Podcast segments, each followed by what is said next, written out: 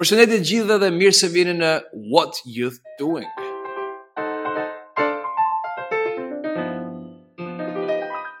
Jemi on? Jemi on. Përshëndetje të gjithëve miq. Ky është podcast 1.0 ose 1.0, siç thonë britanikët. Dhe podcasti quhet What Youth Doing. Eh, në fakt, what you're doing ka disa mënyra me të cilat ju mund ta merrni me mend si fjalë. Unë parapëlqej për shembull të imagjinoj një zonjë amerikane që shpreh shqetësimet e saj në të zakonshmen e saj dhe thotë, "Hey man, what you doing?" Mund si është pa gë në fund. Podcastin mund ta gjeni gjithmonë në Spotify dhe e gjeni njëlloj në Apple Podcast. Uh, mund ta shikoni në direkt në darkë në mëngjes, mund të flini me të, megjithëse për shkak të temave të shkëlqyera që do të trajtojmë unë, ju këshilloj ta dëgjoni me vëmendje të plotë. Dhe sigurisht e tillë do të jetë edhe kjo në 1.0. Podcasti organizohet nga UNYA. Kjo është ose më mirë të themi stands for United Nations Youth Association Albania. Është një organizatë rinore në Shqipëri që përfaqëson vlerat e Kombeve të Bashkuara dhe kjo është shumë domethënëse, jo vetëm domethënëse në fakt, por edhe e vërtetë. Prandaj që të mësoni më shumë edhe rreth organizatës, unë them, ju duhet ta bëni, mbani shënim se ju duhet për provim, të ndiqni herë mbas here, Në fakt, t'i bëni like faqeve tona në rrjetet sociale, në mënyrë që të jeni të brendshëm dhe të kuptoni më shumë edhe kur ne i updateojmë podcastet, shkojmë nga 1.0 nga te 2.0. Ndryshe nga iPhone-i, këtu podcastet nuk bëhen update vet, duhet t'i shihni ju. Unë jam Senaldo Mhilli, ndoshta kjo duhet thënë më shpejt. Jam një anëtar i ri i UNYA, që në shqip do t'i themi unia, për arsye thjeshtësie. Dhe në këtë podcast të parë do të kemi të ftuar pikërisht një nga anëtarët më të shkëlqyer të organizatës sonë. Në fakt kur po bëja një takim me disa nga anëtarët e tjerë të, të unias, ë po u thosha që i ftuar do jetë një djalë, të cilin nuk e njoh, Dhe një dy që njëra aty më tha, ça nuk e njeh Danielin? Danieli është i ftuari, është një nga njerëzit më të shkëlqyer të organizatës, është një aktivist që duhet patur shembul e me radhë. Edhe për një moment thashë shyqyr Zotit që jam në Zoom edhe kam një ekran kompjuteri përpara, se u treva, ashtu si shë nisët. Uh, Daniel, faleminderit shumë që je joined sot në episodin e parë të podcastit që bën UNYA. Faleminderit uh, ty Senaldo, sidomos për prezantimin uh, deri diku ndoshta të pamerituar, por e vlerësoj. Uh, përgëzime për iniciativën e organizatës uh, dhe kënaqësi të zhvillojmë këtë bisedë së bashku. Faleminderit shumë. E, e vlerësoj edhe unë fjalët e mira të thëna. Duhet të them që edhe për mua është në një farë mënyrë herë e parë që marr një iniciativë të tillë, edhe pse e, që marr iniciativën ta prezantoj. Sigurisht podcasti nuk është ide ime, është e gjithë organizatës. E, sot do flasim konkretisht për zgjedhjet. Zgjedhjet si një pjesë e rëndësishme thelbësore e politikës, si një pjesë thelbësore e rritjes së civilizimit në një shtet të caktuar, sado perëndimor të jetë ai. Tani në Shqipëri e, është bërë një ndryshim i fundit në sistemin tonë elektoral. Për herë të parë në Shqipëri nuk kemi më lista të mbyllura, por kemi lista gjysmë të hapura, ku vetë elektorati, njerëzit votuesit të rinj nga 18 vjeç në vazhdim, mund të zgjedhin në mënyrë konkrete deputetin që do të përfaqësojë rrethin e tyre, zonën e tyre me radhë. Ë Daniel, ti ke studiuar eh, aspekte të caktuara të Bashkimit Evropian në Luvën, një nga universitetet më të shkëlqyera në Belgjikë dhe jo vetëm. Unë dua të pyes si i sheh ti konfigurimet e reja të bëra eh, tani në sistemin tonë zgjedhor. A mendon që që po themi këto zgjedhje të reja, këto këto ndryshime të bëra tani të cilat në fakt përfaqësojnë një një një një, po themi ndryshim thelbësor edhe për shkak të faktit që unë mendoj që ka shumë pak shtete, jo mendoj unë, por është faktualisht e tillë. Ka shumë pak shtete të cilat zgjedhin sistemin e listave të mbyllura. Spanja është një prej tyre, por në Spanjë sistemi është mjaft ndryshe, nuk besoj që vlen krahasimi. A mendon që kjo e ndryshon vendin tonë, kjo perspektivë e re politike? Atëherë, uh, siç evidentove ti që në fillim zgjedhjet në vetvete, pra procesi zgjedhor është një ndër elementet kryesor të demokracisë së një vendi. Është procesi në të cilin uh, shprehet vullneti i popullit për drejtimin e politikave të caktuara në vazhdimësi. Dhe si i tillë, garantimi i një procesi me kredibilitet, një procesi të rregullt i shërben konsolidimit të demokracisë në vendin tonë. Por fatkeqësisht sistemet zgjedhore dhe proceset zgjedhore në vendin tonë janë paksa larg konsolidimit për shkak të ndryshimeve të shpeshta që ka pësuar sistemi zgjedhor. A, siç vure re dhe ti, në zgjedhjet e tanishme, po zbatohet dhe po aplikohet një sistem i ndryshuar i kodit zgjedhor, pra i sistemit zgjedhor. Jo detyrimisht do ta cilësoja si një reformë, sepse nuk është aq nuk prek aq shumë element sa për për të qenë një reformë e gjithanshme e sistemit, është përqendruar në disa aspekte e, konkrete, duke lënë mënjanë dhe duke adresuar, mos adresuar në mënyrë të plot, e, plot e, element të tjerë të cilët e, përmirësojnë sistemin zgjedhor.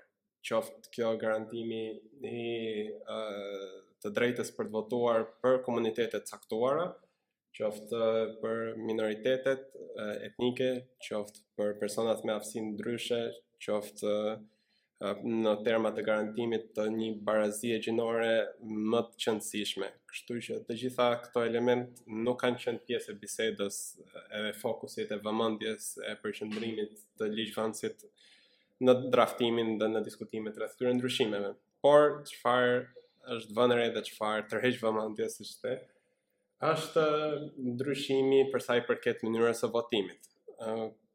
Tashmë votuesit zgjedhësit pra mund të shprehin mund të japin votën për subjektin e tyre zgjedhor të cilin preferojnë apo kandidatin apo kandidaten e parapëlqyer.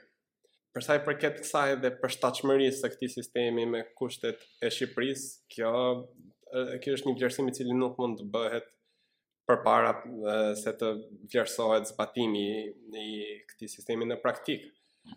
Pavarësisht ndoshta disa referencave që mund të jenë në shtete të caktuara, sistemi zgjedhor i përgjigjet kushteve dhe dinamikës së shtetit në të cilin aplikohet. dhe thënë këtë i rikthehemi asaj që sistemet zgjedhore në Shqipëri nuk janë mjaftueshëm të konsoliduara, pasi asnjë sistem nuk është zbatuar në mjaftueshëm zgjedhje sa për të nxjerrë disa vlerësime, disa disa observime për të nxjerrë disa përfundime nga ku ne mund të vlerësojmë se çfarë shkon, çfarë nuk shkon, çfarë uh, i përshtatet uh, kësaj dinamike në shtetin tonë dhe çfarë uh, nuk i përgjigjet pra kërkesave. Thënë këtë mbetet për t'u vlerësuar nëse ky sistem arrin është i aftë ta ta reflektojë dhe ta ekstraktojë në mënyrë sa sa më të saktë vullnetin e zgjedhësve të Shqipërisë. Daniel, mua më vjen mirë që kam rastin të intervistoj ndoshta thënë kështu për herë të parë një djalë kaq të edukuar të shkëlqyer si ti, edhe e tani e kuptoj pse më bën llavi që nuk njia. edhe më vjen mirë mbi gjitha që ti e bën kodrin fund. e kështu duket. Më vjen mirë që ti vë në dukje një aspekt shumë të rëndësishëm që e dallon një shoqëri demokratike, një shoqëri me parime të mira, që është gjithëpërfshirja. Meqë folëm pak për këtë dhe sigurisht e, si një person që përfaqësoj në një farë mase personat me aftësi ndryshe, unë vetë ndjej peshën e mospasjes së një programi politik qoftë nga qeveri, e, më fali, nga partitë politike që, që ne votojmë, por tani që listat janë gjysmë të hapur edhe e nga e, ata që do të jenë pjesëtarë të parlamentit të mandateve të tjera. Të bën përshtypje fakti, me siguri po, po, duhet të më flasësh pak më shumë për këtë. Të bën përshtypje fakti që në përgjithësi problemet e vërteta të shoqërisë shqiptare, nuk trajtohen në fushatat elektorale, në programet elektorale të partive, por nuk fliten as nga vetë këta individë që tani ne kërkojmë t'i zgjedhim në mënyrë më të drejtpërdrejtë. Pra, pa u referuar kryetarëve të partisë dhe partive siç i kemi cilësuar në deri më sot. Për sa i përket faktit se tashmë mund të ushtrohet vota parapëlqyese për një kandidat apo apo kandidate. Patjetër që mund të instrumentalizohet nga komunitete të caktuara për të sjellë në vëmendje nevoja të caktuara. Pra çdo ndryshim çdo ndryshim është një mundësi për ta instrumentalizuar për të, për një qëllim. Por siç vure re dhe ti Kam përshtypjen se kjo kjo është e pamjaftueshme në kuptimin për t'iu përgjigjur nevojave sidomos të komuniteteve të caktuara, të personave me aftësi ndryshe. ë uh, dhe kjo është një nga le të themi ku ka çaluar edhe procesi i diskutimit të ndryshimeve në Kodin Zgjedhor. Fakti se është përqendruar kryesisht në zhvillimin e procesit politik të aspekteve të cilat uh, kanë më shumë uh, interes, le të themi, apo uh, kanë një qendër gravitacionale te partitë dhe subjektet zgjedhore dhe jo te zgjedhësit dhe komunitetet. Për rrjedhojë, siç thashë, shumë elementë kanë qenë të cilat nuk janë adresuar prej e, disa kohësh tani prej disa proceseve zgjedhore vazhdojnë të jenë të paadresuar siç në në proporcion në në raport me kërkesat dhe nevojat e këtyre komuniteteve. E drejtë, edhe unë dakordsohem me me atë që ti thua Daniel. Tani ne folëm pak për partitë, folëm për dallimet që ky sistem, po themi, kjo hap thonjëza reformë zgjedhore ka sjellë për për qytetarët shqiptarë në kontekstin e një e një e një mundësie të re, e mundësisë për të zgjedhur në mënyrë më direkte ata që janë përfaqësuar. Sigurisht demokracia më e mirë është ajo e Athinës së lashtë, në sensin e demokracisë direkte kur gjithsekush del i përfaqësuar në mënyrë personale, pra përfaqëson individin po njëkohësisht edhe interesat kryesore të shoqërisë. A mendon që këto ndryshime të reja të kodit elektoral e bëjnë po themi popullin shqiptar më të emancipuar politikisht dhe a mendon gjithashtu që do të krijojë një farë shkëputje nga ideja tipike e jona për partitë. Ne i njohim partitë dhe në fakt njohim kryetarët e partive. Nuk dimë shumë se cilët na përfaqësojnë në parlament, nuk dimë sa flasin ata që janë në parlament. Ë nuk interesohemi për punën e përditshme që bëjnë ata që na përfaqësojnë atje e me radhë. Dua një dua një shqyrtim, si të thënë, tëndin për për këtë pikë. Sikur të ishte aq e thjeshtë, sikur të mjaftonte disa ndryshime për të adresuar këtë. Por jo, siç e vlerësova dhe në fillim, besoj se këto ndryshime janë të pamjaftueshme në vetvete, përtej dhe bindje se ndoshta dhe një reformim i thellë i vetëm kodit zgjedhor nuk do mjaftonte për të arritur qëllimet që përmend për të patur një konsolidim të kulturës demokratike në Shqipëri.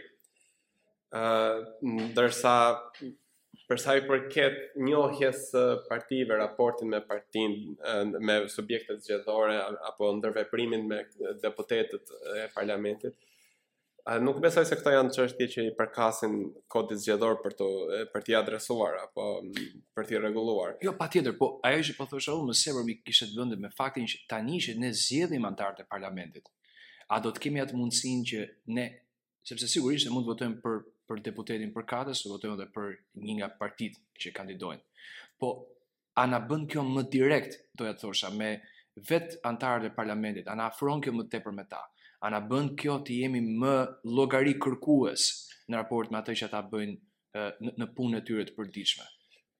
Unë nuk besoj se kemi ezauruar përpjekjen tonë për të krijuar raportin me institucionin e parlamentit njëherë, pa kaluar te deputetët në vetë. Ne kemi një mungesë të theksuar të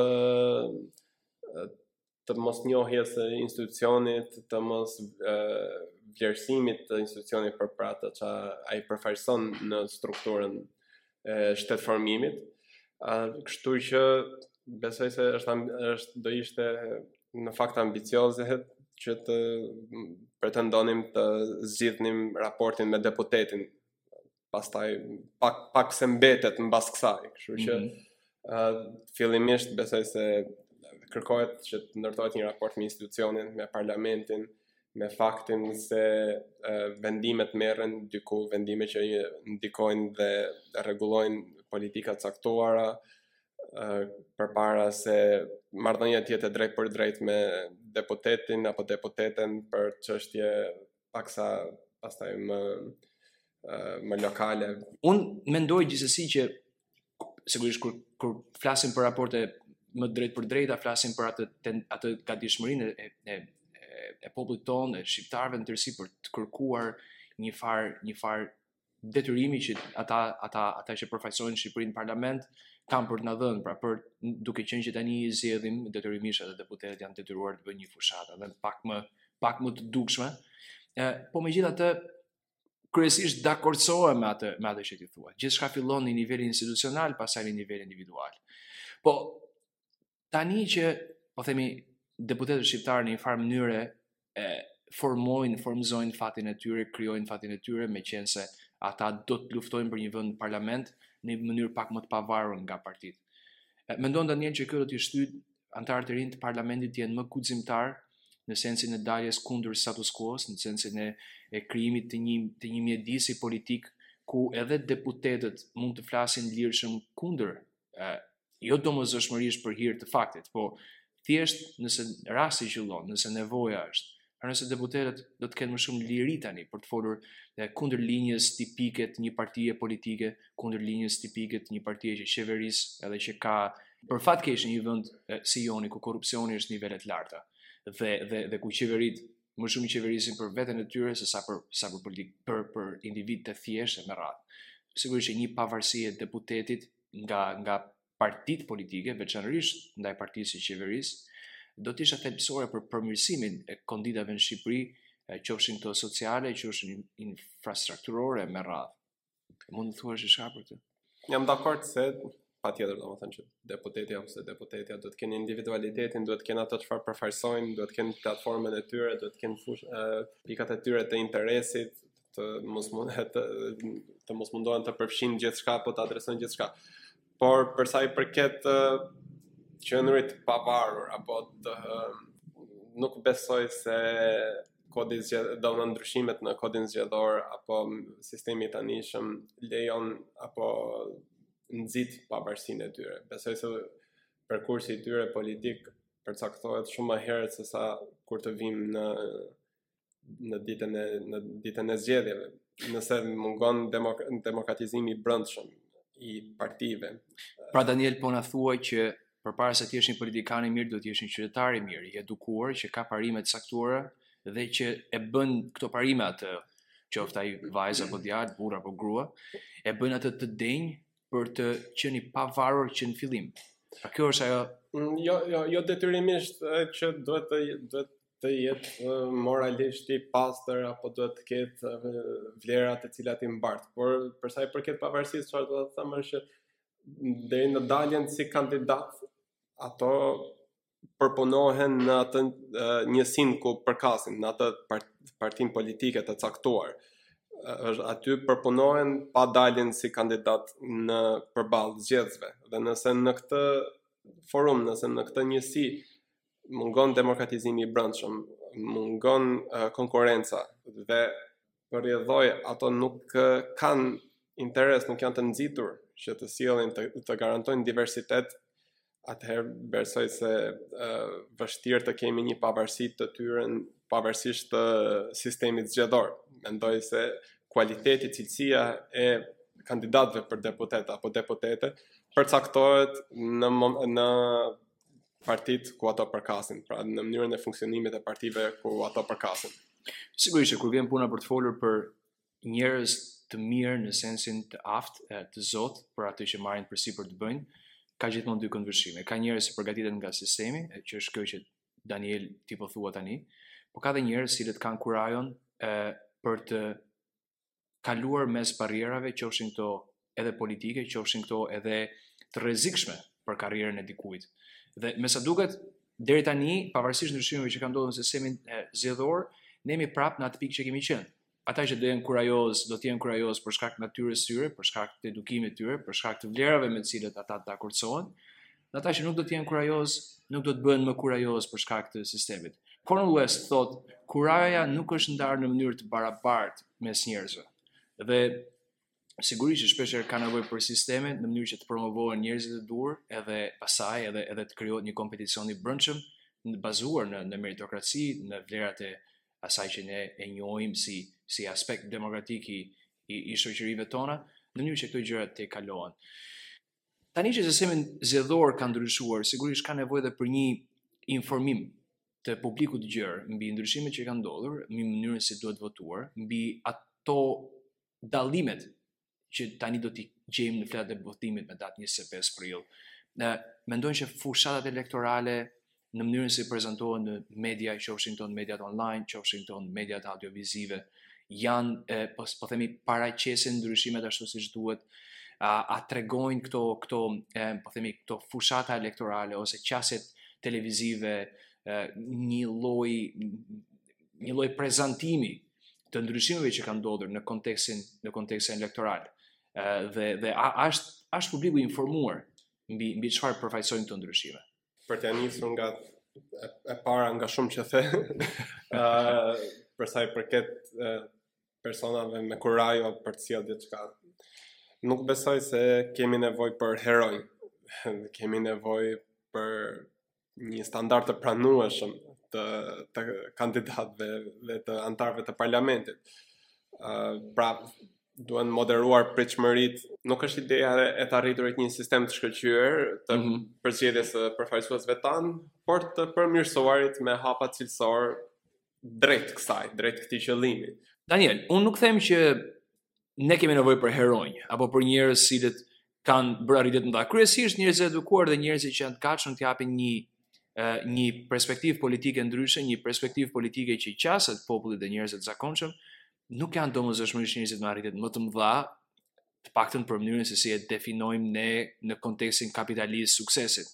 Ë, kështu që kur flas për individë të, të kualifikuar, flas për individë kryesisht të zakonshëm në e, po themi në në në në të përgjithshmen e tyre, por të jashtëzakonshëm në konceptet që kanë për e, aspektet e caktuara të jetës dhe për vlerat që ata mbartin.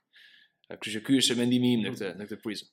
Pikërisht, pra, ne nuk kemi nevojë, besoj se nuk është e shëndetshme të kërkojmë njerëz super ambiciozë që vijnë dhe pretendojnë se do e thyejnë të gjithë këtë që kemi patur se pra çfarë çfarë besoj se do ishte e shëndetshme është për njerëz me me një uh, formim të kënaqshëm me një uh, integritet të lartë të cilët uh, investohen dhe përkushtohen për të sjellë uh, diçka më cilësore, për të sjellë disa gjëra ndaj të cilave ne i kemi referencat shumë thjesht uh, shtetet më të konsoliduara perëndimore, Pra, nuk ka nevojë të rishpikim gjë, nuk ka nevojë të bëjmë një përpjekje të padëgjuar, të paprecedent, por besoj se disa hapa cilësorë drejt përmirësimit, të cilët mund të sillen nga njerëz që të kanë një formim të kënaqshëm, Pra,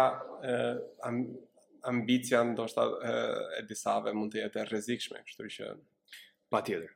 Kryesisht ata njerëz që kanë vlera të caktuara dhe që kanë një edukim të mirëfilltë, edukimi nuk ka të bëjë me arsimimin domosdoshmërisht.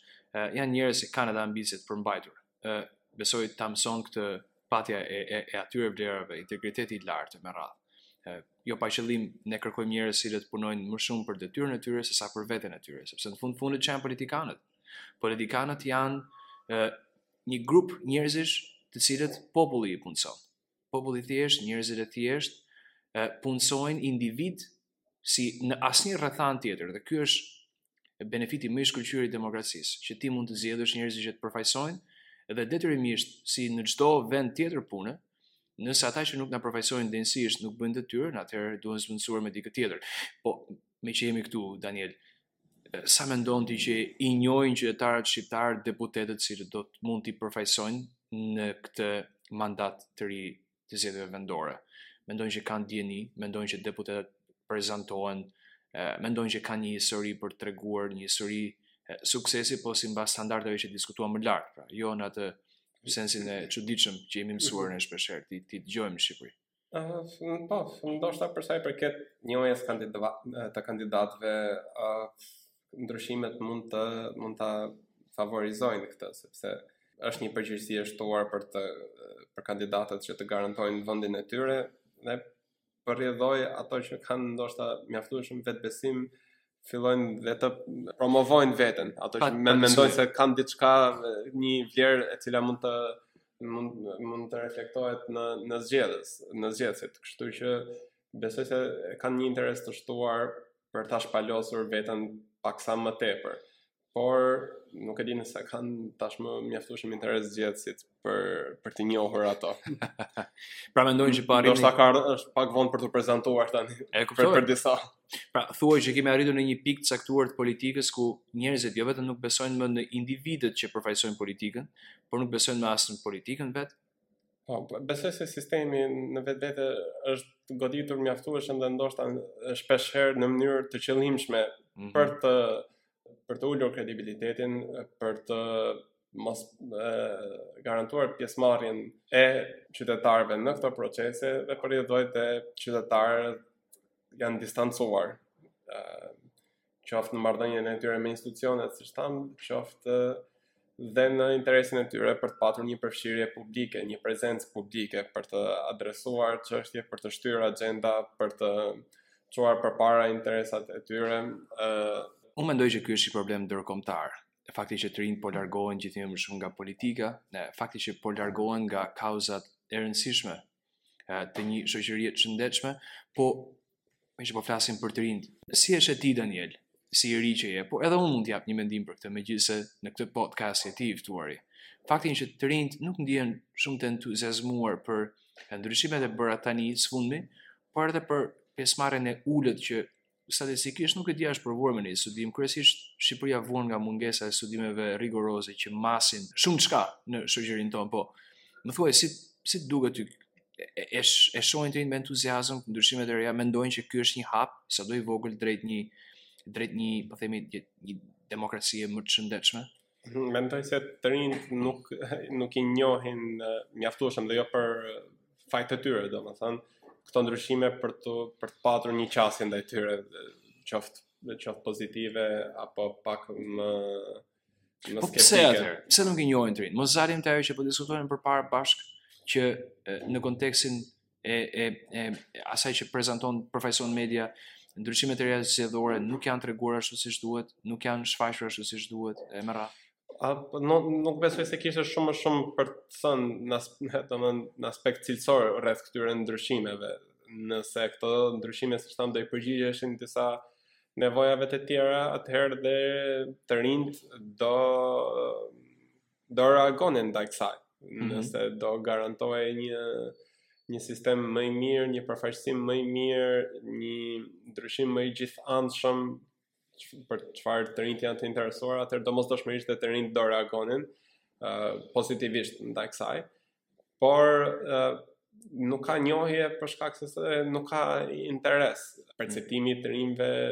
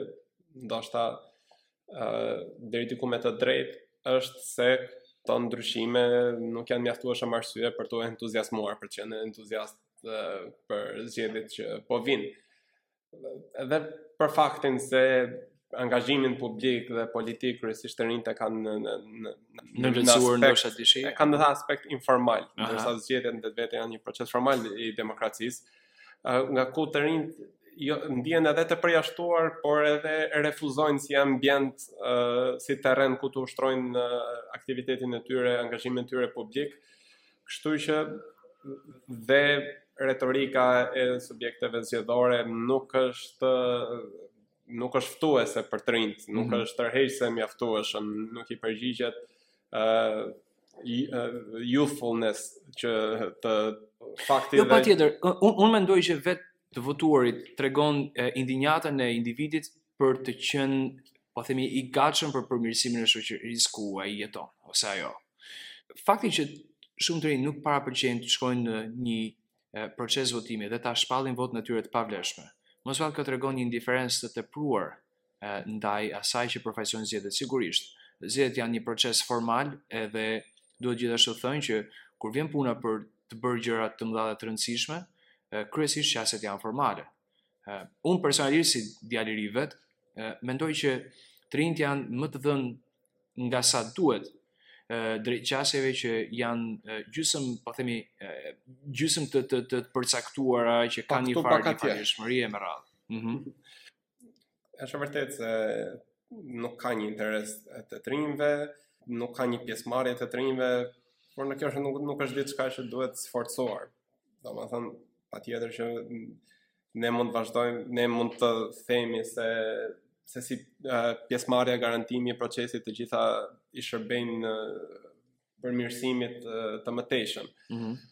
por jo detyrimisht duhet sforcuar nëse të rinjt nuk uh, ndihen se interesat e tyre janë të, për, uh, të përfaqësuar, nëse nuk ndihet, nuk ndjejnë se kjo është një mundësi për të sjellë gjëra për të cilat janë të interesuar në vëmendje, por do vazhdojnë përtej këtyre zgjedhjeve të, vazh, të, të, të angazhohen në aspekt informal për disa çështje të cilat me sa duket kur nuk i gjejmë në agjendat e subjekteve zgjedhore. Aha. Atëherë më shumë se sa të garantojmë pjesëmarrjen e të rinjve, duhet punuar që të formojmë kushtet që kjo pjesëmarrje të vijë në mënyrë të natyrshme prej vetë tyre. Sigurisht që mosvotimi, përveç asaj që thamë më lart, që ndoshta përfaqëson një mungesë indinjate, tregon edhe atë zhgënjimin e thellë që të rinjtë si ne kanë në raport me politikën në Shqipëri, po jo vetëm. Daniel, ti voton vet? Çfarë dua të them, nuk nuk është se dua të shkurajoj të rinjt për të votuar, madje në të kund, e kundërta. Jo aspak, as unë nuk doja të bëja këtë gjë, po mendoj që unë personalisht në këtë as në këtë rast zgjedhor, ndjesë për ndërhyrjen e e çuditshme. Hmm. Unë veten e gjej pa alternativë. Ë nuk gjej një mbështetje për kërkesat politike që un kam si individ dhe nuk besoj që ata të cilët kandidojnë sot e përfaqësojnë, po themi, popullin shqiptar në ato pika kryesore ku ku ku publiku jon ku qytetarët tan duan duan të zhvillohen a të rriten, qofshin këto në infrastrukturë, qofshin këto në aspekte të tjera të jetës publike.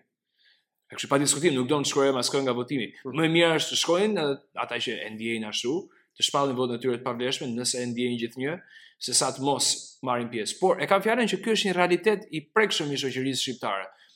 Sepse Këtu e merr vlerën ajo që the ti, pra që që të rinjtë kanë nevojë të ndihen të përfaqësuar pa të votojnë, se ndryshe humbasin interes. Mirë, nëse shkojnë, të mundohen edhe të mos e bëjnë të pavlefshme se nuk votën, po ja, çfarë dua të them është që patjetër që të rinjtë duhet të shkojnë për arsyet e duhura për të votuar, po nuk besoj se duhet shumë për të gjetur arsye për të shkuar për të votuar. Çfarëdo qoftë diçka që duan të përmirësojnë, vota është një instrument për të shkuar drejt saj. Patjetër. Kështu që qoftë edhe pjesëmarrja, por qoftë edhe shprehja e vullnetit është diçka që të rinjt duhet ta ushtrojnë uh, dhe duhet edhe të familiarizohen me të, duhet të fillojnë të, të ndihen rehat dhe në këto procese, të mos i refuzojnë në mënyrë instinktive gati. Sigurisht, edhe ka plot të rinj në fakt të cilët janë shumë të angazhuar me detyra qytetare, qofshin e, si vullnetar, si aktivist, por edhe si punonjës për organizata të caktuara me radhë, të cilët e, mund të mos ndihen ose ndihen aq të dëshpëruar saqë nuk gjejnë arsye për për të për të votuar. Megjithatë, unë dakordsohem plotësisht me çfarë Danieli tha. Më e mira është të paraqitemi në qendrat e votimit, të bëjmë zgjedhjet tona ashtu siç i mendojmë, Dhe kjo tregon angazhimin tonë në, në a themi në atë çka përfaqëson procesi zgjedhor dhe na jep të drejtë të kërkojmë llogari nga ata të cilët na, na përfaqësojnë në parlament më vonë. Folëm për procesin zgjedhor, për ndryshimet e bëra në së fundmi në, në procesin elektoral shqiptar dhe gjithashtu përmendëm edhe aspekte të caktuara të tij përfshirë këtu nëse publiku është i njohur me vetë procesin, nëse është bërë mjaftueshëm fushatë nga mediat, qofshin këto online apo jo, në mënyrë që publiku të njihet me ndryshimet e bëra por dhe me kandidatët për deputet. Folëm shkurtimisht për rininë, për çfarë përfaqëson rinia shqiptare, për çfarë mendojnë ata për politikën, për sa të gatshëm janë të votojnë dhe të zgjidhen. Ju kujtoj edhe një herë tjetër që podcastin tonë e gjeni në Spotify dhe në Apple Podcast. Kanali është Una Albania. Daniel, faleminderit shumë që ishe me ne sonde. Uh, faleminderit Stenaldo, ishte kënaqësi të zhvillojmë këtë bisedë së bashku, sidomos për uh, një temë e cila duhet të sillet në vëmendjen e të rinjve dhe të trajtohet uh, youthfully. Uh, ndoshta të rinj, më të rinj se ne mund të bëjmë një punë më të mirë, por më vjen mirë që kishim këtë mundësi për ta uh, bërë të së bashku. Ah, uh, thuaj që jemi vjetruar ne? Kush e merr vesh ndoshta. Ah, pak sa. Emi unë jam Senaldo Mhilli dhe faleminderit shumë që ishit në podcast 1.0. Tjetri do dalë shpejt, qëndroni updated, qëndroni subscribed dhe ju përshëndes përzemërsisht. Ciao ciao.